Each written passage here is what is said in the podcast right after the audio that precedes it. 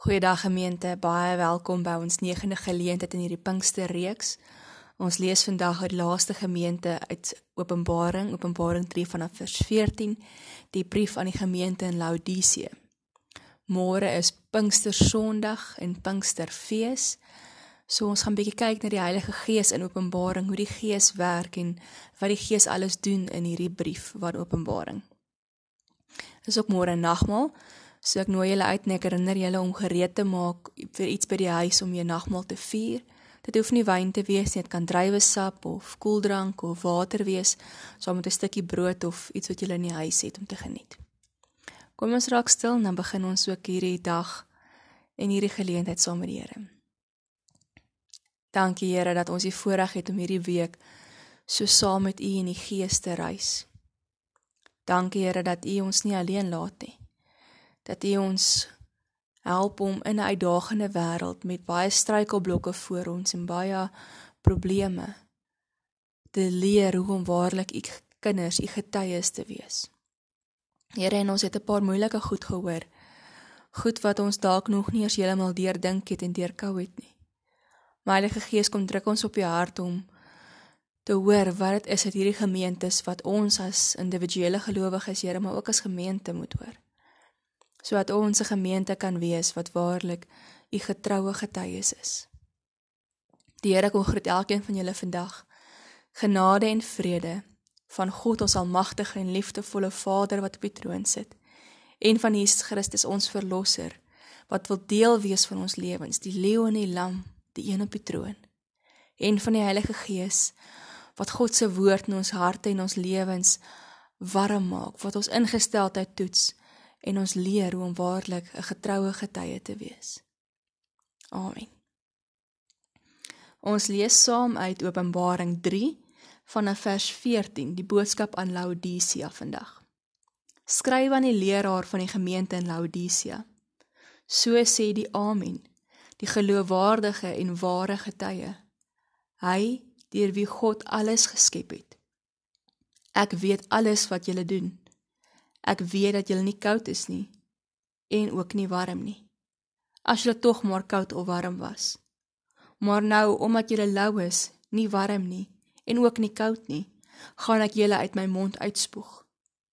Julle sê ons is ryk, skatryk en ons on, ons het niks meer nodig nie. En julle weet nie dat julle ellendige en beklaanswaardig is nie, arm, blind en kaal. Daarom raai ek julle aan om by my goud te koop wat deur vuur gelouter is sodat julle ryk kan word.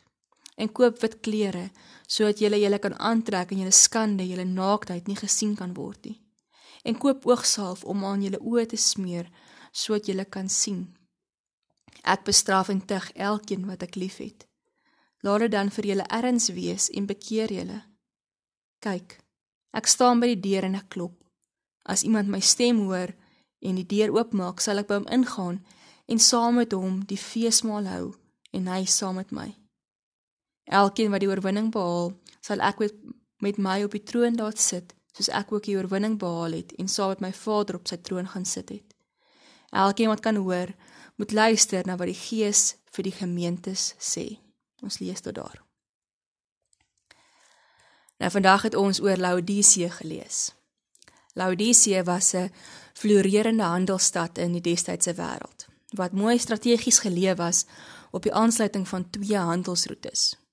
Die stad was daarom ook een van die rykste stede in die Romeinse wêreld met baie vrugbare grond en baie goeie veiding. Tog, ten spyte daarvan het al hierdie strategiese plasing van die stad hulle nie gehelp met hulle waterprobleem nie. Want die stad het nie geen natuurlike bron van water gehad nie. Hulle was afhanklik van 'n warmwaterbron wat so 10 km buite die stad geleë was. En hierdie water is deur klippype na die stad toe aangevoer vir daaglikse gebruik. Teen die tyd wat dit dan nou by die stad uitgekom het, was die water lou. En van daar af fak die beeld wat ons vandag hoor in hierdie brief. Nou die gemeente van Laodicea het gedeel in hierdie weelde en die rykdom van die stad. Hulle kon enigiets koop wat hulle hart begeer het. Hulle was absoluut deel van die weefsel van die stad Laodicea. Daarom lees ons nie iets van diskriminasie nie, ons lees nie iets van vervolging nie. Geen teenstand van buite word in hierdie gemeente gebring nie. Die gemeente het net soos die gemeente in Sardes 'n baie gemaklike lewe gehad. Lekker ingeskakel by sy dorp en sy stad. En hulle het so gemaklik geraak dat hulle nie hulle armoede en hulle tekortkoming in God se oë raak gesien het nie. In hulle oë lees ons het hulle niks tekort gekom nie. Hulle was skatryk en het niks meer nodig gehad nie. Hulle was vol selfvertroue, selfvoldaanheid. Hulle het goed gevoel oor hulle self. Maar daarom kom gebruik Jesus hierdie beeld van die stad se waterstelsel. En hy sê vir hulle hulle ingesteldheid, hulle gees voor hom is lou. Hulle het lou geword soos die stad se water. Met lou water kan jy nie veel doen nie. En daarom is dit net so goed as om dit uit te gooi of uit te spoeg. Hierdie louheid verwys na hulle middelmatige, halfhartige aanbidding van God sonder enige toewyding en passie. Die beeld sê ook iets van hierdie gemeente. Water het die vermoë, weet julle natuurlik, om aan te pas by die omgewing om dit. As jy water buite los in die winter, word dit koud. As jy water in die son sit, word dit warm. Wat die Here vir hierdie gemeente sê is dat hulle so aan hulle omgewing aangepas het, so gemaklik geraak het dat hulle eintlik hulle waarde, hulle bruikbaarheid vir hom verloor het. Die Here los hulle egter nie hier nie. En hy praat met hulle reguit Hy praat met hulle hart, dalk selfs die hardste van al die gemeentes waarvan ons gehoor het. En hy spreek hulle gesindheid aan. Hy praat met hulle oor hulle blindheid, omdat hulle nie sien hoe waardeloos hulle geword het nie. Omdat hulle nie kan sien hoe hulle gedwaal het, hoe hulle selfvoldaanheid hulle eintlik waardeloos maak nie. Hy spreek hulle aan oor hulle armoede, want hulle het geestelik soveel gekort omdat hulle gefokus het op die rykdom van hulle aardse skatte en en die materiële wat in die gemak wat hulle kon koop. Hy spreek hulle aan oor hulle naaktheid. Naaktheid in die Bybel was 'n simbool van skande. In die gemeente van Sardes het ons gelees van die wit klere wat gelowiges wat waardig is kan dra. Wit klere het jou skande, jou naaktheid bedek. Maar hierdie gemeente is vol skande. Die Here sê eintlik vir hulle: "Julle hele lewe is voor my 'n skande, iets om voor skaam te wees. Al julle rykdom wat julle het, julle selfvoldaanheid, julle trots, die gedagte dat julle niks meer kort nie, maak julle blind en bring julle voor my en julle moet skaam wees. En daarom wil God sê eintlik niks met hulle te doen hê nie. Daarom sê vir die gemeente: "Gaan terug na die plek waar julle Jesus verloor het." Dis nie eers keer dat ons hierdie woorde hoor nie want Jesus is nie meer in hierdie gemeente nie. Hy staan buite die deur en hy klop, lees ons. Ons gebruik baie hierdie vers uit Openbaring om vir ongelowiges te probeer oortuig dat Jesus graag in hulle lewens wil inkom, dat hy by ongelowiges se deur staan en klop. Maar ons moet raak sien hier dat hierdie 'n brief is aan 'n gemeente, aan mense wat sê hulle is kinders van God. Mense wat voorstel is om Jesus in die kern te hê, om hom op die troon te hê, soos ons verlede week begin het met Openbaring 4 en 5. Maar ons lees hier dat Jesus in plaas van die kern buite staan en wag om by hierdie gemeente ingenooi te word. Dis 'n moeilike boodskap om te hoor. En daarom is dit dalk ook juist die moeilikste van al hierdie gemeentes. Veral na ons dink aan alles wat ons gehoor het, al die gemeente se foute, al hulle uitdagings, kan ons so volhard in wat ons doen. In ons selfvoldaanheid en ons trots en die soeke dat ons self moet iets bereik. Die eie ek dryfveer dat God vir ons kan skaam raak, dat dit teleurgesteld kan raak en kies om uit die gemeente te stap en buite te gaan staan en te wag dat ons hom weer innooi. Dis harde woorde vir mense wat hulle self kinders van God noem. En God wil nie daar wees nie. En die waarskuwing aan hierdie gemeente is hulle bedrieg hulle self. Dra hulle self 'n rad voor die oë om te dink alles is so wonderlik en hulle kom niks kort nie. Terwyl hulle eintlik die belangrikste van alles kort. God terug in die gemeente. Dis waarlik harde woorde. Maar ons moet ook raak sien met watter hart God hier met hulle praat. Ons lees die Here sê vir hulle: Ek tug elkeen wat ek liefhet. In sy liefde kom kies God selfs om hulle nie te los waar hulle is nie. Al lees ons dat hy amper afskie het vir hulle want hulle is nie warm of koud nie. Hy kom praat hulle aan. Die woord tug in die Bybel beteken om te vorm, om iemand op te voed. En wanneer die Here ons tug, wil hy ons vorm, ons opvoed en terugbring na waar hy is.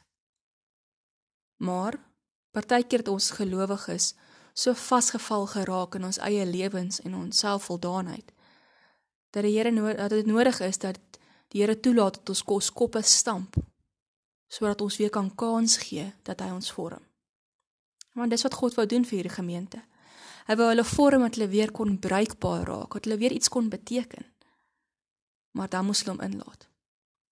En die probleem van 'n halfhartige geloof, 'n geloof waarmee ons nie werklik erns maak met ons toewyding nie, is dit ons ook nie erns maak met die dinge waaroor God ons stig nie en waar hy ons aanspreek nie. In 'n halfhartige geloof hoor jy dalk so nou en dan nog hier's iets in jou lewe wat nie reg is nie, maar dit gaan by jou verby. Dit val op dowe ore. Jy reageer nie daarop nie. Daarom moet hierdie gemeente weer leer hoe om die Here te dien, ook met die rykdom wat lê. Want hulle moes besef dat dit, die skatte wat hulle bymekaar maak, niks beteken teenoor die skat van geloof wat deur God self en deur vuur gelouter word en ewige waarde het nie. Hulle moes leer dat die Here moes aanbid en dien met alles wat hulle het. Dat hulle hom nie net met hulle mond kon bely, maar hulle hart en hulle wese en hulle hele lewe getuig nie daarvan nie. Die keer keer verlouheid is nie om ewe skielik skouer aan die wiel te sit en te begin werk nie. Die oplossing gaan nie kom om harder en meer te werk en meer te doen nie. Die oplossing is om Jesus terug te laat in jou lewe. Dalk selfs vir die eerste keer. Die oplossing vir halfhartig en 'n lou geloof is om 'n ware verhouding met God te hê. Sonder voorgee. Sonder om te dink jy beteken iets. Maar as om waarlik weer die kern te maak van jou lewe, om hom op die troon te sit, soos God op die troon is. Soos God Jesus deel gemaak het vir die troon en hy sê hy wil ons saam daar hê. Dis opvallend hoe Jesus homself aan hierdie gemeente bekendstel. Hy sê hy is die amen van die kerk. En die woord amen ken ons omdat ons dit gebruik aan die einde van 'n gebed waar ons sê mag dit so wees. Met amen lees ons ook in hierdie gedeelte word beskryf as 'n getuienis, 'n ware en betroubare getuienis. So ons bid ook as ons sê amen sê en getuig eintlik dat dit wat ons gebid het en dit wat ons sê, net soos met die seëngroet, 'n getroue getuienis is van ons eie lewens, maar ook veral van wie God is. So wat God Jesus vir hulle met hierdie beskrywing kom sê is dat hy hulle verseker dat dit wat hy nou vir hulle sê 'n ware getuie getuienis is oor hulle lewe. Want dit hou selfvoldane mense glo nie iets slegs oor hulle geloof of oor hulle self nie. En Jesus kom sê vir hierdie mense, glo dit, want dit is 'n ware getuienis. Maar hiermee saam kom sê Jesus vir hulle en kom moedig hulle aanlik aan dat hulle lewens so sal word dat hulle sal getuig dat hy die Amen is, dat hy die ware God is, dat hy die een op die troon van hulle lewens is. Ons het al baie gelees oor die gemeentes die laaste week. Ons het gelees dat daar baie struikelblokke is wat kan verhoed dat ons hierdie getuienis lewer wat ons moet. In fees het ons gelees dat gemeentes kan vasval in tradisie en dit verruil vir hulle eerste liefde van God. Met Smyrna het ons gelees mense kan bang wees. Pergamon het te veel kompromieë aangegaan net so hulle geloof verloor omdat hulle te gemaklik geraak het. Thyatira het rykdom en welvaart bo die Here gekies. Sardes was geestelik dood. Philadelphia moes leer om in beproewings die geleenthede raak te sien al was hulle moeg en al het hulle geweet watter kant toe nie. En nou Laodicea was alhartig in aanbidding van God. Na alles wat ons kan dink oor geloof, en alles wat ons in hierdie gemeentes gelees het, hoor ons telke male die oproep van die Here. Net soos nou in hierdie kom terug. Kom terug na my toe want ek wil julle vorm. Ek wil die kern wees van julle bestaan. Ek wil die een wees op die troon. Ons Openbaring 4 en 5 verlede Sondag begin en gehoor God is op die troon. In 'n onsekere wêreld is hy daar. Die vraag met ander woorde vir al hierdie gemeentes is is God op julle troon. Daarom is dit besonder hoe die Here ook hierdie beloftes aan die gemeente van Laodicea verwoord. God spreek hier 'n behoefte uit om 'n feesmaal saam met die oorwinnaars te vier. Hierdie feesmaal kan 'n verwysing na die nagmaal wees of dit kan 'n verwysing wees na die feesmaal later in Openbaring wat gaan kom wanneer Jesus weer kom. Maar wat hierdie feesmaal uitbeeld, ongeag hoe ons hom verstaan, is dat 'n feesmaal geniet word saam met mense wat jy waarlik vertrou, mense wat jy ken, mense met wie jy 'n verhouding het. En dit is wat God vir hierdie gemeente van Laodicea en vir al die ander gemeentes wil hê en ook vir ons vandag is 'n verhouding met hom. Dit word ook verder uitgebeeld brei in hierdie belofte en hierdie beeld wat God sê as ons saam met hom op die troon sit soos hy op die Vader se troon sit. Dit sê God wil ons saam met hom in sy sy troonkamer hê. Is 'n diepe intieme verhouding. En wanneer Christus by die deur staan en vir gemeente sê ek is nie daar nie, ek is nie in julle kern nie, is dit 'n uitnodiging om hom weer daar te sit. Hy gaan homself nie indruk nie, hy gaan homself nie inwurm nie. Hy wil daar wees omdat ons hom innooi. Ons moet meer tyd saam met hom spandeer as ons voel ons geloof is selfhartig geword middelmatig. Ons hom toelaat om ons te tug, om ons aan te spreek, om ons te vorm. En dan sal ons deel hê aan hierdie besonderse verhouding wat hy beloof. 'n Verhouding van liefde waarin hy elke keer vir ons beloof en vashou en sê hy dra ons deur al ons struikelinge, deur al die kere wat ons val sal hy ons ophelp. En dan kan ons getuig van wie hy is. Kan ons 'n ware en getroue getuienis wees van die een wat vir ons kom vertel het oor hoe God se liefde lyk. Môre het ons die geleentheid om nagmaal te gebruik.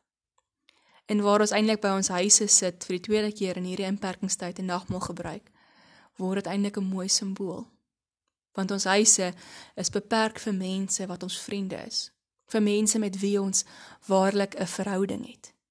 En dis waar God wil wees. So hy hy staan eintlik as te ware by ons huise deur en klop. En hy sê nooi my in in die private ruimte van jou lewe sodat ek daar in die middel kan wees. En ons kan God se uitnodiging met vrymoedigheid aanvaar want hy kom in liefde en hy kom om ons te help. Kom ons aanvaar dit. En kom ons geniet môre die nagmaal as 'n simbool van hierdie feesmaal. Maar ons doen dit ook dan met die oortuiging dat ons waarlik 'n verhouding met die Here het. Dat ons kies om hom te leer ken. So my vrae vir julle om vandag oor na te dink is die volgende. Eerstens, Dalk is die grootste fout van baie kerke in ons land dat ons die Here halfhartig dien. Praat met mekaar oor hierdie stelling en help mekaar om te verstaan waarom dit so is. Die tweede vraag: Die Christendom gaan nie oor godsdiens nie, maar oor 'n diep, egte verhouding met Jesus. Deel 'n bietjie met mekaar oor hoe jy oor Jesus dink en voel. En die derde vraag: In al die briewe word die gemeentelede opgeroep tot bekering. Dink julle die Here sê dit ook vir ons? Kom ons deel met mekaar oor wat dink ons bekering vir ons persoonlik ook inhou. En dan my laaste opmerking. Maak tyd vandag om seker te maak dat jy môre die Here waarlik in jou lewe inlaat. Want hy staan en klop en hy wil die kern wees waarom alles draai. Ek gee geleentheid vir stil gebed. Praat met die Here oor wat jy gehoor het. Vra hom jou oë oop te maak vir hom om weer in te nooi en nooi hom weer in jou lewe. Kom ons bid ook vir gemeentes wat halfhartig geraak het dat hulle ook weer sal weet hoe voel 'n verhouding met die Here. Gee geleentheid vir stil gebed.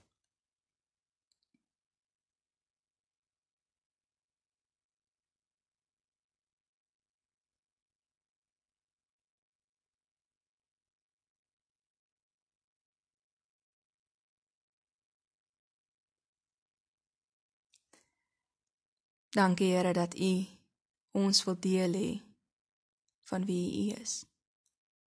Dankie dat U 'n verhouding met ons wil hê. Here ons bely dat ons baie keer selfvoldaan raak. Ons eie dinge op die troon sit in plaas van U, Here. Here, en kom help ons om U weer daar te sit. As U uitgestoot het, Here, as U weggestap het omdat U skaam is vir ons. Vergewe ons. Here, en kom weer in. Kom leer ons konform ons wat verkeerd is en kom wys ons U wil. Here, want ons wil nie mense wees wat lou is in ons geloof nie. Ons wil U kokend dien met 'n vuurwarm liefde soos U liefde vir ons is. Help ons daarmee, Heilige Gees. Mag die genade van ons Here Jesus Christus, die liefde van God ons Vader en die gemeenskap van die Heilige Gees by elkeen van julle wees en bly. Amen.